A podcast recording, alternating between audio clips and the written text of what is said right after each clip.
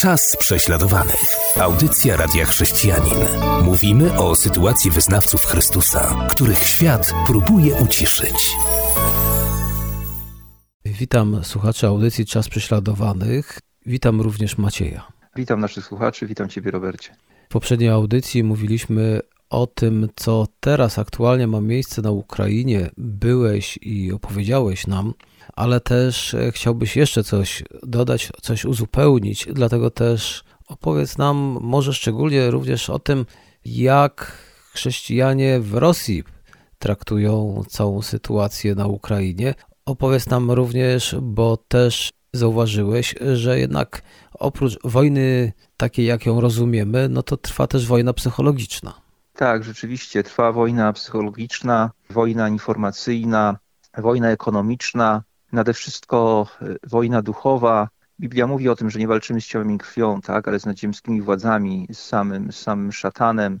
I musimy mieć świadomość, że e, za tą wojną, za tym, co się dzieje w tej chwili w Ukrainie, ale też w Rosji, no, stoi sam diabeł, tak, władca ciemności, który, który po prostu chce, chce niszczyć ludzi, chce niszczyć Kościół Jezusa Chrystusa, chce zapobiec na wszelkie możliwe sposoby, żeby Ewangelia była głoszona, żeby życie ludzi zostało zmienione, żeby oni odnajdowali nadzieję, wolność w Chrystusie, pokój. I dlatego właśnie no, robi to, co robi, tak? I już w czwartym rozdziale Księgi Rodzaju widzimy, że jestem przekonany, że to za sprawą szatana się stało, który napuścił Kaina na Abla i Kain powodowany zazdrością, nienawiścią, zabił z zimną krwią własnego brata.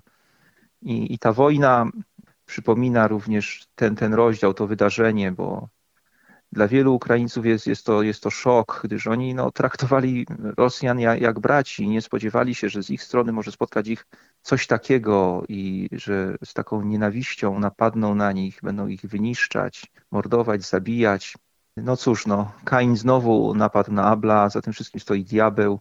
I tutaj powiem tyle. Dla nas, chrześcijan, ogromnie ważne jest to, byśmy mieli w tym wszystkim duchowe rozróżnienie, byśmy chodzili blisko Pana, byśmy wiedzieli, czego Pan od nas oczekuje. To jest ogromnie ważne, byśmy nie kierowali się jakimiś ludzkimi preferencjami, jakimiś uwarunkowaniami historycznymi, kulturowymi, jakimiś uprzedzeniami, ale byśmy naprawdę chodzili z Panem, zgłębiali Jego słowo i żebyśmy nie zostali po prostu zwiedzeni w tej kwestii, tak jak wielu, wielu niestety chrześcijan w Rosji zostało zwiedzionych, o tym będę mówić za chwilę. To jest ta wojna duchowa, jest też wojna informacyjna. Ogromnie ważne jest to, byśmy znajdowali właściwe źródła informacji. I dlatego ja spędziłem 20 dni tej zimy na Ukrainie wśród naszych braci i sióstr i byłem w bardzo niebezpiecznych miejscach i po, znalazłem się pod ostrzałem rosyjskim i naprawdę trzeba było ufać Bogu całkowicie, ale chciałem być z tymi ludźmi, chciałem dotrzeć do nich w samym Hersoniu i w Donbasie i w wielu innych miejscach i od samego początku wojny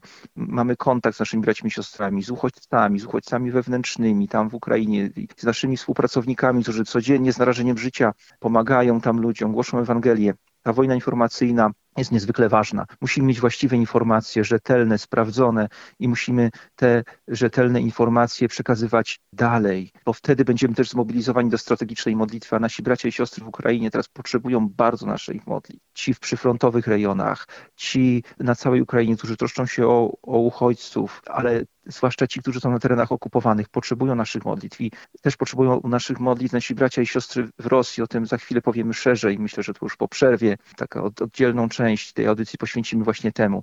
Ale ta wojna informacyjna ma, ma kolosalne znaczenie i, i ona jest ściśle powiązana z wojną duchową. Zatem tak bardzo ważne jest, byśmy wypełniali nasze umysły, tak jak mówi Biblia, Słowem Chrystusowym, bo ono mieszkało w nas obficie. Byśmy byli pełni Jego ducha i byśmy z tym orężem w tej pełnej zbroi Bożej stali w tym, w tym duchowym boju, bo diabeł chce nas zwieść, diabeł chce nas tak uśpić, a to nie jest czas teraz, żeby spać, to jest czas, żeby działać, czas, żeby jeździć na Ukrainę, głosić tam Ewangelię, wspierać naszych braci i siostry. Oni tego bardzo potrzebują, ogromnie tego potrzebują, są znękani tą wojną, są umęczeni tą wojną. Ich bliscy, ich bracia, siostry ze zborów giną na tej wojnie, bo wielu jest w armii, giną pod ostrzałami, są e, rozsiani po całym świecie, tęsknią za swoimi bliskimi, nie mogą, miesiącami już nie widzą swoich najbliższych mężów, żon, dzieci. To jest ogromne, ogromne, ogromne cierpienie naszych braci i sióstr i całego narodu ukraińskiego. I oni potrzebują nas, Polaków, oni na nas tam czekają, oni zapraszają. Ja mam kolejne zaproszenia z Ukrainy. Wróć, przyjedź znowu, chcemy Ciebie. Tak naprawdę mógłbym się tam przeprowadzić i, i, i zamieszkać i miałbym co robić każdego dnia od rana do nocy. Naprawdę to jest niesamowicie ważne, by, by ich wspierać teraz, by zawozić im tą pomoc, jakiej oni potrzebują też w sferze materialnej, bo toczy się ta wojna ekonomiczna. Więc naprawdę, naprawdę wielkie zadanie przed nami. To nie jest teraz czas, żeby po prostu odpuścić, żeby zająć się swoimi sprawami. To się dzieje za naszymi granicami. To jest ogromnie, ogromnie ważne, byśmy jako Polacy, jako Kościół w Polsce stanęli na wysokości zadania. Tak więc y, ta wojna się toczy i ja wierzę, że przede wszystkim musi być wygrana na, na poziomie duchowym, ale toczy się też wojna psychologiczna, tak. Putin ma plan, żeby znękać tych ludzi, żeby ich zamęczyć, żeby ich zastraszać. I wszystkie te informacje, które słyszymy, to dla naszych braci i sióstr w Ukrainie, w ogóle dla wszystkich Ukraińców, to jest po dziesięciokroć mocniejsze. Bo jak słyszymy, że gdzieś jest jakiś nalot, to to jest nalot na ich miasta. Jak słyszymy o tej ofensywie, którą Putin planuje, którą realizuje, to ci ludzie boją się, że znowu zajmie jakiś teren, jakieś ziemię, że będą musieli uciekać. To jest straszne i, i widać, jak te trole też prorosyjskie, putinowskie, jak ta propaganda po prostu sieje wręcz panikę panikę wśród, wśród ludności w Ukrainie, zwłaszcza na terenach przyfrontowych, tych wyzwolonych. To jest niesamowite. Tak, no po prostu po, potrzebują, potrzebują pomocy. Gdy byłem na wsiach zrujnowanych przez Rosjan w obwodzie mikołajowskim, hersońskim i cały czas było słychać od, odgłosy walk tam w okolicy Hersonia, na Dnieprze, jak wiemy, stoi front i widzieliśmy tych ludzi, wioski kiedyś piękne, tysiąc, tysiąc pięćset osób, a teraz kilkadziesiąt zostało. I, I żeby ich zebrać, to jest taki sygnał, że podjeżdża się do, do cerkwi, e, to jest zwykle nieduży budynek, często z, też zniszczony, jakiś, i tam taki dzwon prymitywny jest. I wali się w ten dzwon i ludzie wiedzą, wtedy mają przyjść w umówione miejsce, zwykle to jest też przy tej cerkwi i gromadzą się i oni wyłaniają się gdzieś jakby z podziemi, mieszkają w piwnicach, w prymitywnych warunkach, tam praktycznie nic nie zostało, próbują jakoś odbudować swoje życie, przychodzą i, i dostają jakąś pomoc, głosimy Ewangelię, po czym zapraszają do swoich domów, czy resztek tych domów i tam spędzamy z nimi trochę czasu, czasu i bracia i siostry nasi, którzy tam jeżdżą, potrzebują naszego wsparcia i ci ludzie tam potrzebują Ewangelii, potrzebują wsparcia. To się cały czas dzieje. Ci ludzie zostali przez tak zwanych wyzwolicieli sprowadzeni właściwie do epoki kamienia upanego. Oni żyją tam po prostu w prymitywnych warunkach, nawet nie mają się czym umyć. No straszne, straszne, straszne. Gdy jechaliśmy do Donbasu i minęliśmy Izium, zwłaszcza wieczorem, jak tam wracaliśmy z kolei, to to Izium to, to jest tak jak miasto duchów. To oczywiście tam jacyś ludzie mieszkają, ale tu i tam tylko się światło świeci. Sterczą kikuty zniszczonych domów, przerażające miejsce, ale za Iziumem, w takiej przepięknej dolinie, jak się jedzie na, na Donbas, jest taka wieś, Kamianka przed wojną miała może 1200 mieszkańców, przepięknie położona, bo Izum jest położony na takim wzgórzu, a ta wieś w takiej przepięknej dolinie. Myślę, że znamy takie wsie gdzieś z naszych rejonów tu górskich, przygórskich, prawda? Piękna dolina, pięknie położona wieś, wszystko, wszystko zniszczone. Jedzie się tam, aż człowiek zamiera z przerażenia, co zrobili wyzwoliciele. Po prostu przyjechali, zniszczyli, zrujnowali życie ludzi i poszli. I potem zatrzymaliśmy się tam w jednym miejscu w tej wsi, w środku tej wsi i patrzymy, a tu na zrujnowanych, zniszczonych domostwach ludzi, gdzie kiedyś po prostu były, byli rolnicy, były rodziny z dziećmi. Patrzymy, a tutaj ten demoniczny znak na, na Z namalowany na tych budynkach,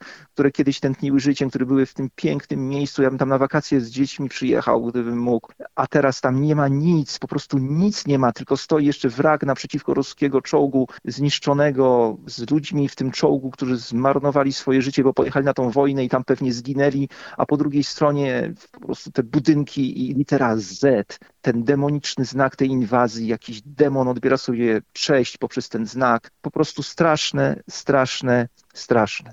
Teraz wysłuchamy utworu muzycznego po którym dowiemy się, jak chrześcijanie w Rosji postrzegają całą tą sytuację, która ma miejsce na Ukrainie. Zapraszam na utwór muzyczny. Czas prześladowany. Audycja Radia Chrześcijanin. Wysłuchaliśmy utwór muzyczny, a teraz przechodzimy do naszej drugiej części, w której to Macieju opowiedz nam, jak to chrześcijanie w Rosji postrzegają sytuację, która ma właśnie miejsce wojna na Ukrainie, sytuacja również chrześcijan, ale na Ukrainie. Przybliż nam ten temat. No to jest y, bardzo trudny temat, bolesny dla mnie osobiście. Moje pierwsze wielkie powołanie w życiu, takie, gdzie musiałem zmobilizować wszystkie swoje duchowe zasoby, gdy miałem 25 lat, to było właśnie, to był właśnie wyjazd do Moskwy na misję. Tam mieszkałem przez 7 miesięcy w Moskwie, głosiłem tam Ewangelii na ulicach. Mieszkałem wśród Rosjan, jadłem z nimi, jeździłem z nimi metrem, robiłem zakupy w, razem z nimi w sklepach. Po prostu żyłem tak jak oni i Bóg posłał mnie tam, wlał wielką miłość w moje serce do Rosjan, aby głosić im Ewangelię. I no, gdy ta wojna się zaczęła, byłem przerażony, ale teraz jestem jeszcze bardziej przerażony, bo nie spodziewałem się, że tak duża część narodu rosyjskiego poprze tą wojnę, będzie ją otwarcie popierać.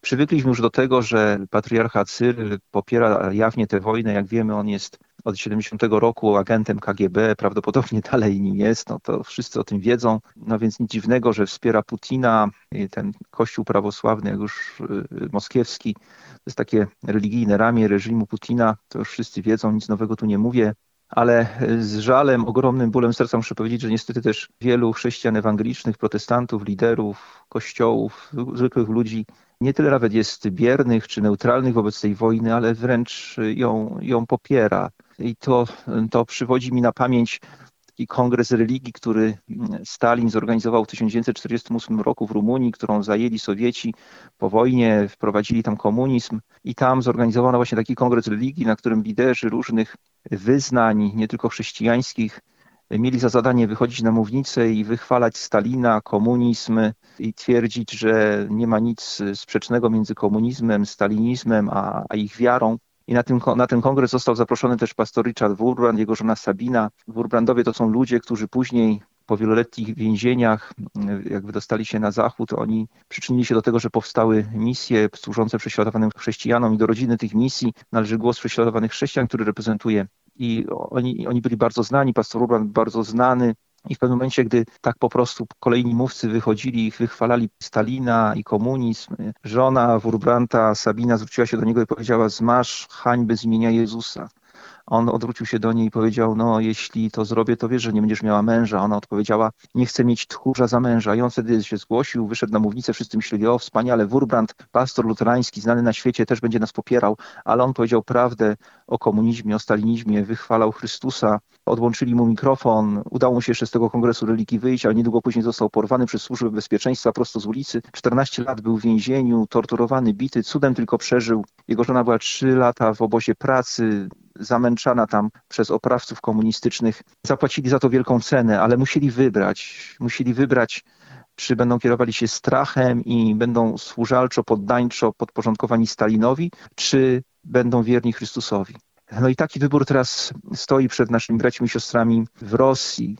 Ja jestem daleki od tego, żeby kogokolwiek osądzać, wytykać palcami bo ja przed takim wyborem w tym momencie nie stoję, nie jestem w Rosji, ale niestety fakty są takie, że niektórzy liderzy otwarcie, otwarcie po prostu popierają reżim Putina, popierają tę wojnę. Jeden z nich nawet powiedział publicznie, że cytując Putina, bo Putin na tym pierwszym takim wielkim wiecu, który zorganizował w marcu w Moskwie, popierającym tą inwazję, on cytował tam Pismo Święte i mówił, że nie ma większej miłości nad te niż ktoś kładzie życie za swoich przyjaciół. Odniósł to do żołnierzy rosyjskich, którzy kładzą życie za siebie nawzajem na Ukrainie i ten lider chrześcijański, on podjął ten wątek i powiedział, tak, Putin to powiedział i tak rzeczywiście jest, ja to popieram. I on wprost powiedział, że Rosjanie nie mają innego wyjścia, tylko właśnie z miłości, tej miłości Chrystusowej w domyśle robią to, co robią w Ukrainie.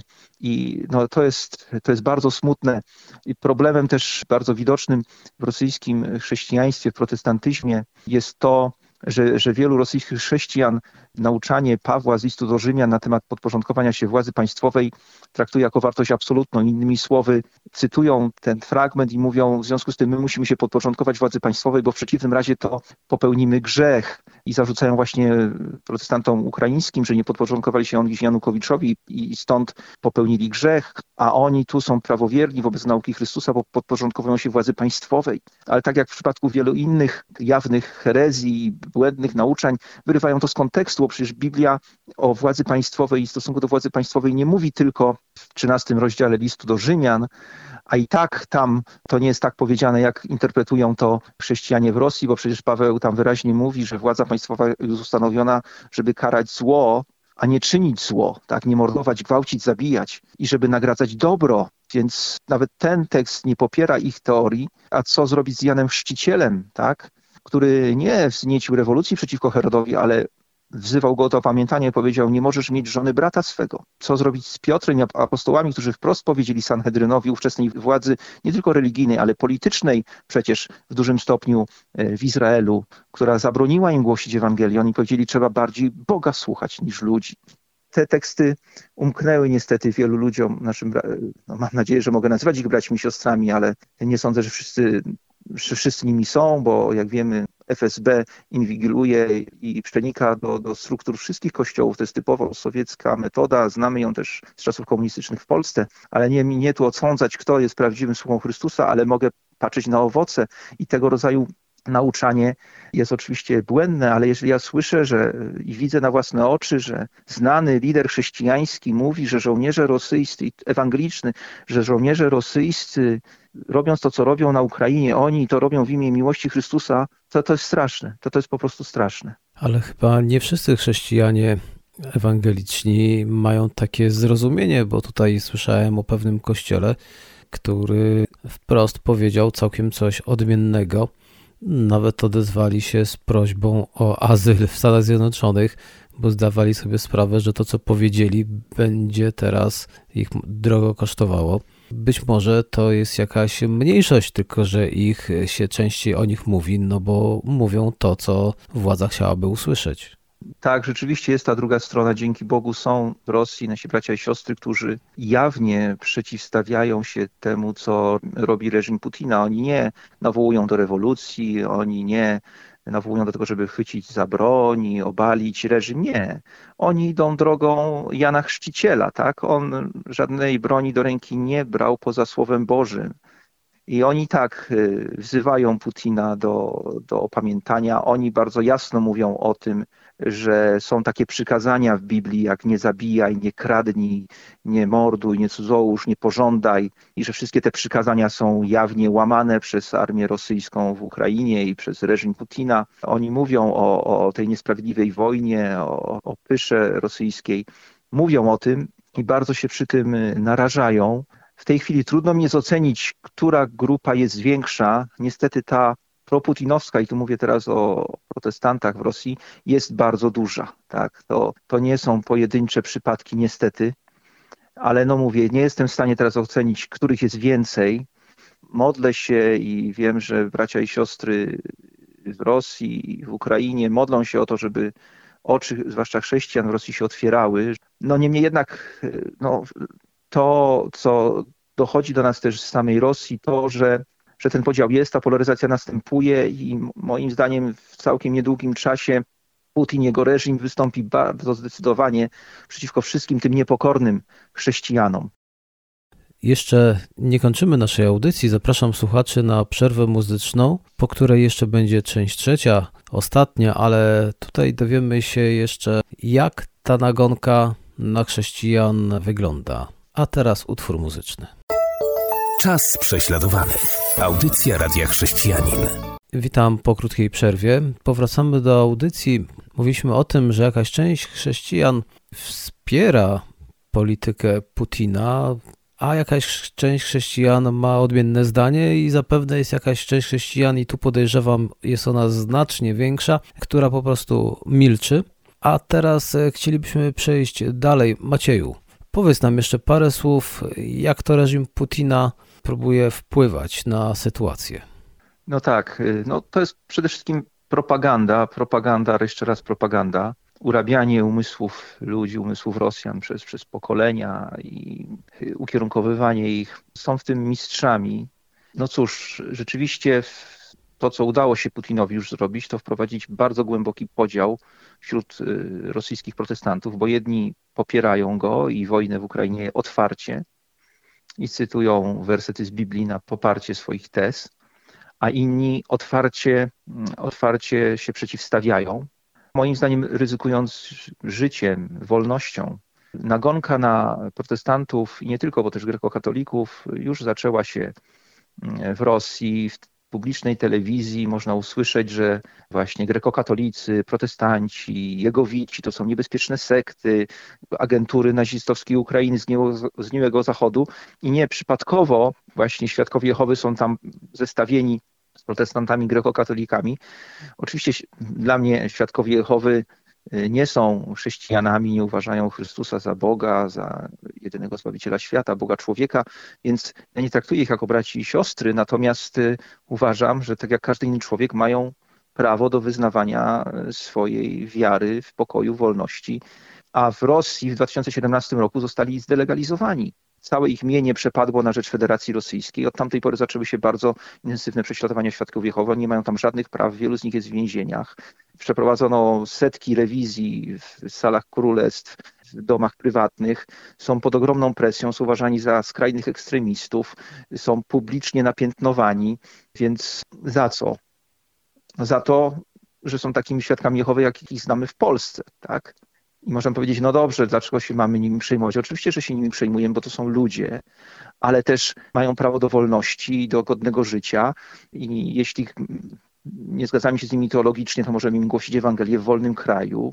Niektórzy z nich się nawracają, ale tam zostali pozbawieni tych praw i są bardzo intensywnie prześladowani. I niestety na tej samej zasadzie praw w każdej chwili jakimś dekretem Putin może pozbawić dowolną inną grupę religijną protestantów, tych niepokornych, każdego. I widzimy, co potem się dzieje, gdy ktoś zostanie wyjęty spod prawa. Jednym po prostu dekretem przychodzi koniec.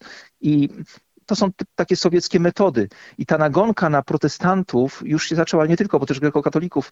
Na własne uszy słyszałem, jak taka atrakcyjnie wyglądająca młoda pani po prostu z tonem głosu nie, nie uznającym żadnego sprzeciwu, wiedząca o czym mówi, w fantastycznie zaaranżowanym, nowoczesnym studio telewizyjnym, program, taki talk show, bardzo dobrze nagrywany, a ci propagandyści rosyjscy, oni robią świetne te programy pod względem montażu i tak dalej.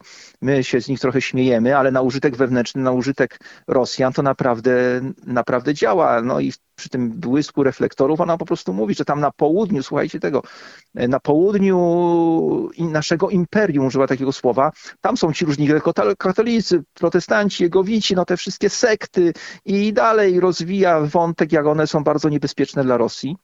No, to się dzieje w tym momencie mm, w Rosji. I cóż, no i słyszę później i porównujemy to po prostu z czasami stalinowskimi. I Stalin, zanim zaczął bardzo intensywne prześladowania protestantów i chrześcijan, to właśnie zaczął od takiej nagonki. To zawsze tak jest. Dlaczego? Bo chodzi o to, żeby zdemonizować jakąś grupę ludzi, żeby społeczeństwo nastawić przeciwko nim, a potem, kiedy się przeciwko nim otwarcie wystąpi, no to opór społeczeństwa będzie nieduży, a wręcz przeciwnie, duża część społeczeństwa będzie to wspierać, bo przecież to są ci niebezpieczni ekstremiści, którzy nam zagrażają.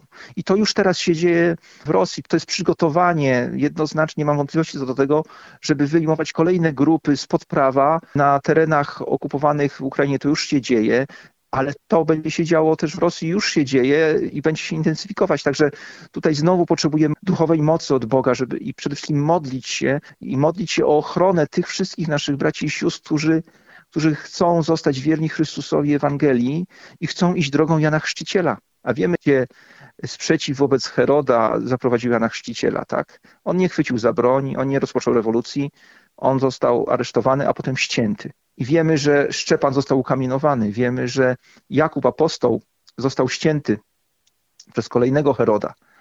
Jest cena do zapłacenia.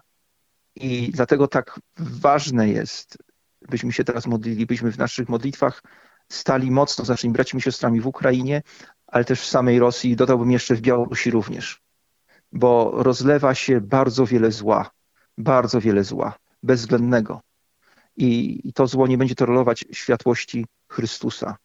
Nie będzie tolerować krzyża, zmartwychwstania, co do tego jestem pewny. To jest demoniczne, szatańskie zło i będzie dążyć do, do, do wyniszczenia wszystkich, którzy chcą pozostać wierni Chrystusowi. I jeśli pozwoli komuś na funkcjonowanie w tak zwanym chrześcijaństwie, to tylko w pełnym podporządkowaniu się władcy Kremla.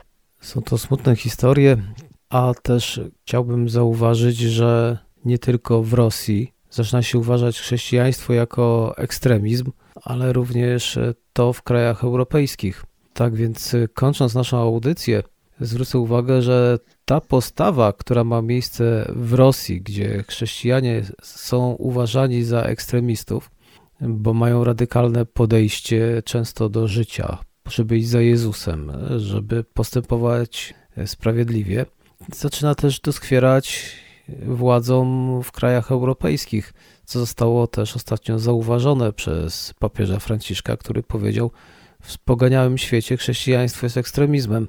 Spełniają się słowa Pana Jezusa, który przecież powiedział, że kto pójdzie za nim, prześladowanie znosić będzie. Tak, i, i dodał też, że będziecie w nienawiści u wszystkich. Nie? Więc yy, i biada wam, jeśli wszyscy o was będą mówić dobrze. Dlatego mam takie głębokie przekonanie, że, że teraz jest czas na to, byśmy, każdy z nas, kto uważa się za chrześcijanina, by sam przed sobą odpowiedział sobie na pytanie, jakim chrześcijaninem chce być, kogo chce naśladować, do kogo chce być podobny, czy chce być podobny do, do mojego Pana Jezusa Chrystusa, który został ukrzyżowany z powodu przekonań, jakie miał, z powodu tego, kim był, co głosił, czego nauczał. Czy chce być taki jak Jan Chrzciciel, który był tym heroldem zapowiadającym Mesjasza i został ścięty? Czy chce być taki jak apostołowie, z których właściwie wszyscy ponieśli śmierć męczeńską, niewykluczone, że nawet Jan, ale jeśli nie, to wiemy, że został zesłany na wyspę Patmos i tam cierpiał za wiarę? Czy chce być właśnie taki jak wielu innych naszych braci i sióstr teraz dokładnie w więzieniach w Erytrei? Pastorzy siedzą prawie 20 lat, bo reżim marksistowski odebrał im prawo do głoszenia Ewangelii, do wyznawania wiary. Jak nasi bracia i siostry w Chinach, którzy siedzą w więzieniu, którzy siedzą w obozach pracy w Korei Północnej, którzy są wypędzani ze swoich domów, zabijani w północnej Nigerii, w wielu innych krajach islamskich, którzy siedzą w więzieniach w Iranie, którzy są pozbawieni wszelkich praw w Arabii Saudyjskiej, którzy są szykanowani, zabijani w Pakistanie, którzy muszą uciekać z Afganistanu. W większości tych krajów, gdyby poszli na kompromisy, to mogliby się dogadać z władzami państwowymi i jakieś tam, jakąś tam formę chrześcijaństwa praktyk praktykować, ale to nie byłoby chrześcijaństwo krzyża, to nie byłaby ta wielka światłość, która przynosi zbawienie, bo drodzy przyjaciele, tu chodzi o wieczność. Chrześcijaństwo to nie jest coś na tu i teraz. Chrześcijaństwo to jest otwarcie drogi do wieczności, to jest wieczne zbawienie i my jesteśmy tu powołani przez Chrystusa, aby na tej ziemi głosić to wieczne zbawienie, aby ludzie mogli przejść z życia, ze śmierci do życia, do, do życia wiecznego, by spędzili wieczność z Bogiem i o to tu chodzi.